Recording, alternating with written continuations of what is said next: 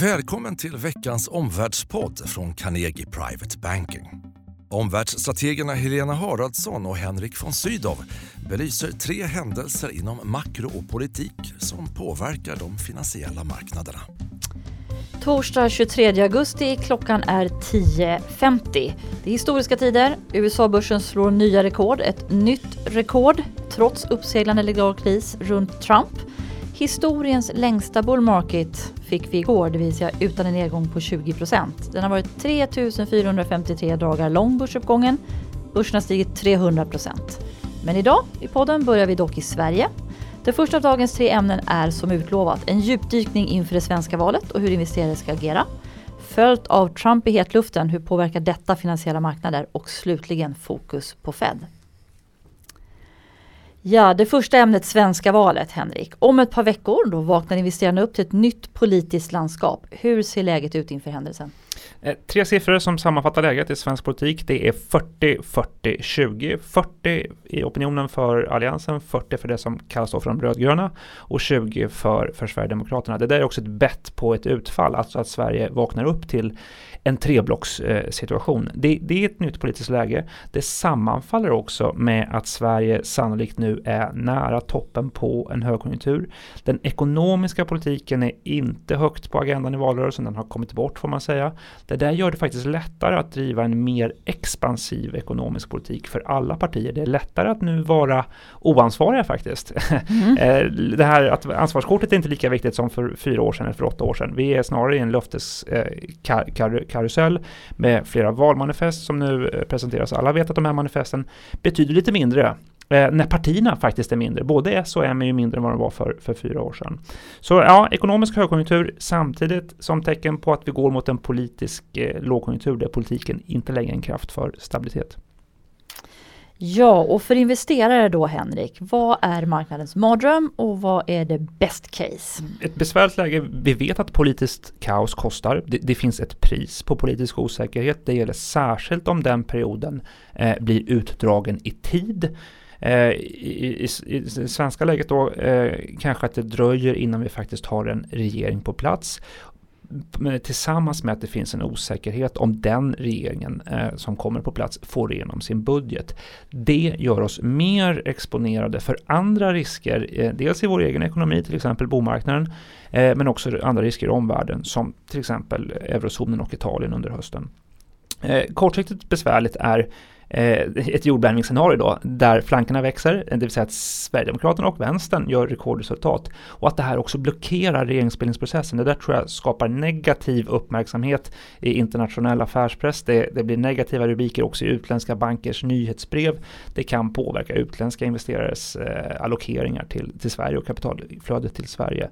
Långsiktigt mer besvärligt, det är om man börjar nästa cykel med att eh, för att forma regering så köper man sig stöd, man gör stora kombinationer av olika partiers valmanifest i ett läge där ekonomin då kanske kortsiktigt är väldigt starkt. Det där kan långsiktigt, stora luften nu, expansiv politik kan lång, långsiktigt vara utmanande. Är det bästa utfallet för marknaden ja, Henrik? Ett bäst case är ändå att du relativt snabbt eh, får en, en, en, koalition på plats som också har en beslutskapacitet. Beslutskapacitet, man får klarhet genom sin budget.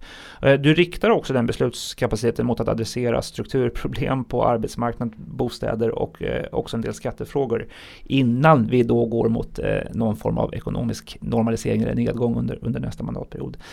Innan vi får krisen som en del pratar om då. Det, där, det vore kanske önskvärt önskvärt att det där skedde. Eh, kanske, ja. Det, en önskelista nästan? Ja, det precis. Det är mer troligt att vi får en koalition som, som, som, som eh, kommer att göra en eh, ja, ja, kanske då för stor kombination av, av olika eh, med fokus på viss kortsiktig mm. konsumtion snarare än långsiktiga investeringar och strukturreformer. Hur är det med passivitet då Henrik? Passivitet kan kortsiktigt vara bra för Stockholmsbörsen. Kortsiktigt vara bra för det. Alltså får vi ett, ett valutfall eh, som, gör det, som tar bort risker vad gäller exempelvis vinstregleringar i välfärdssektorn och också hot om kapitalskatter och punktskatter på delar av, eh, av industrin mm. så, så, så, är det kortsiktigt gynnsamt. Ja. Men Henrik, du har också en bakgrund som parlamentariker. Du har varit mm. ordförande mm. i riksdagens skatteutskott.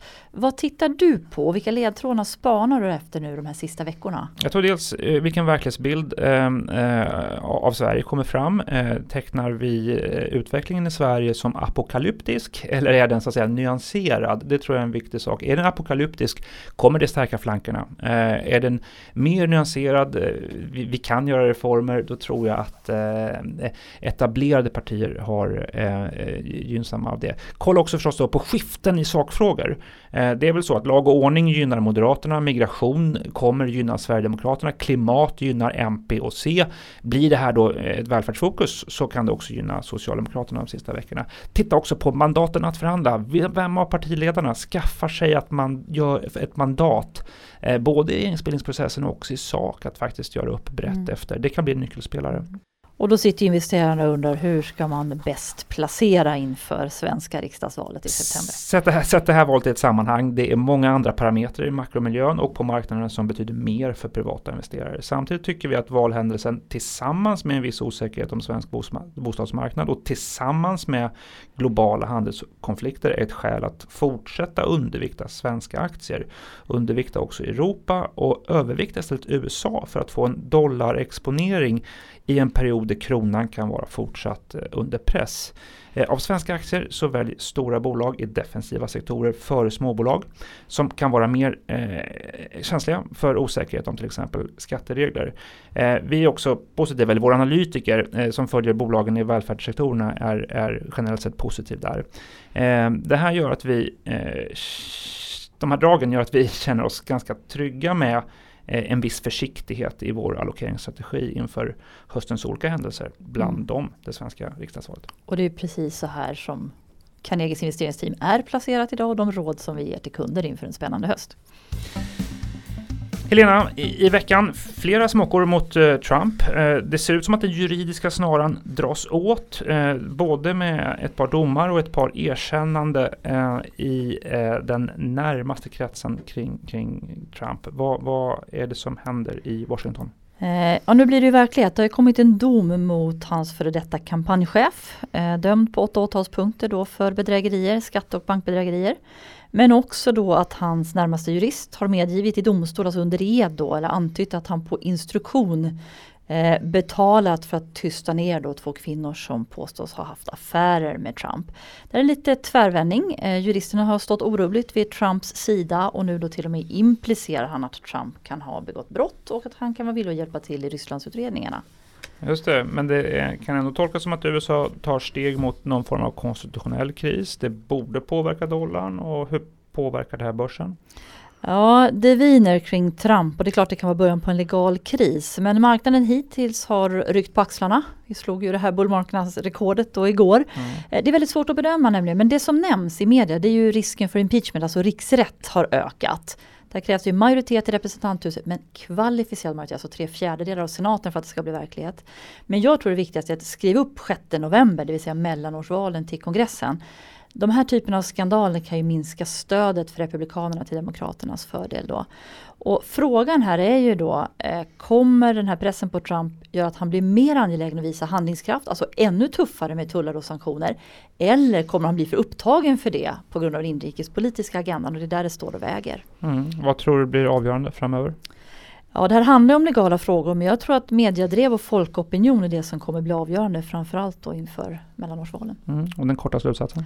Ja, det 6 november är ett dödesdatum för Trump. De här händelserna kan ju faktiskt öka Demokraternas chanser i kongressvalet i höst.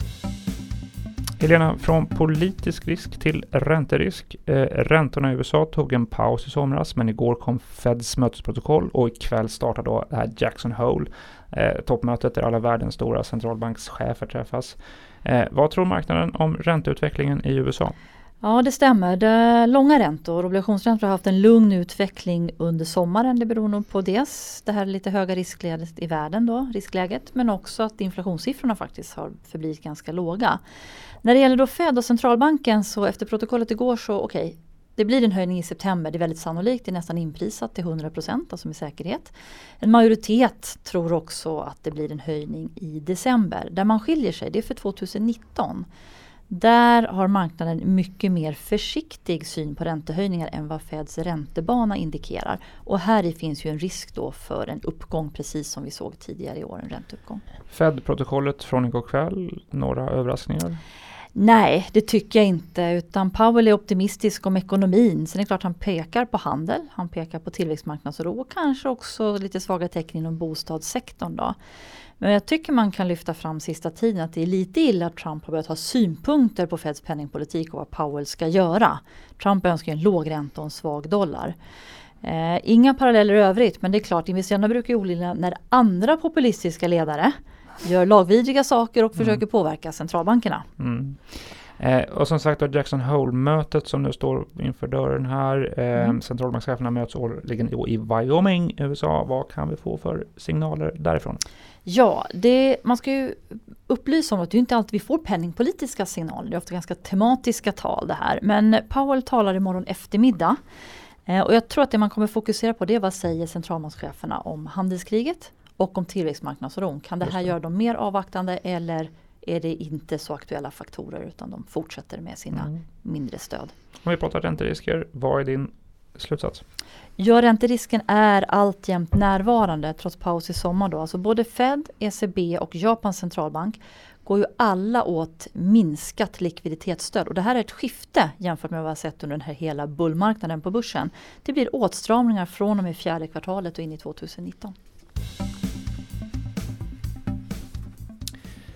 Torsdagen den 20 september arrangerar Carnegie Private Banking den första Carnegie efter börsen där vi samlar investerare, entreprenörer och våra vänner.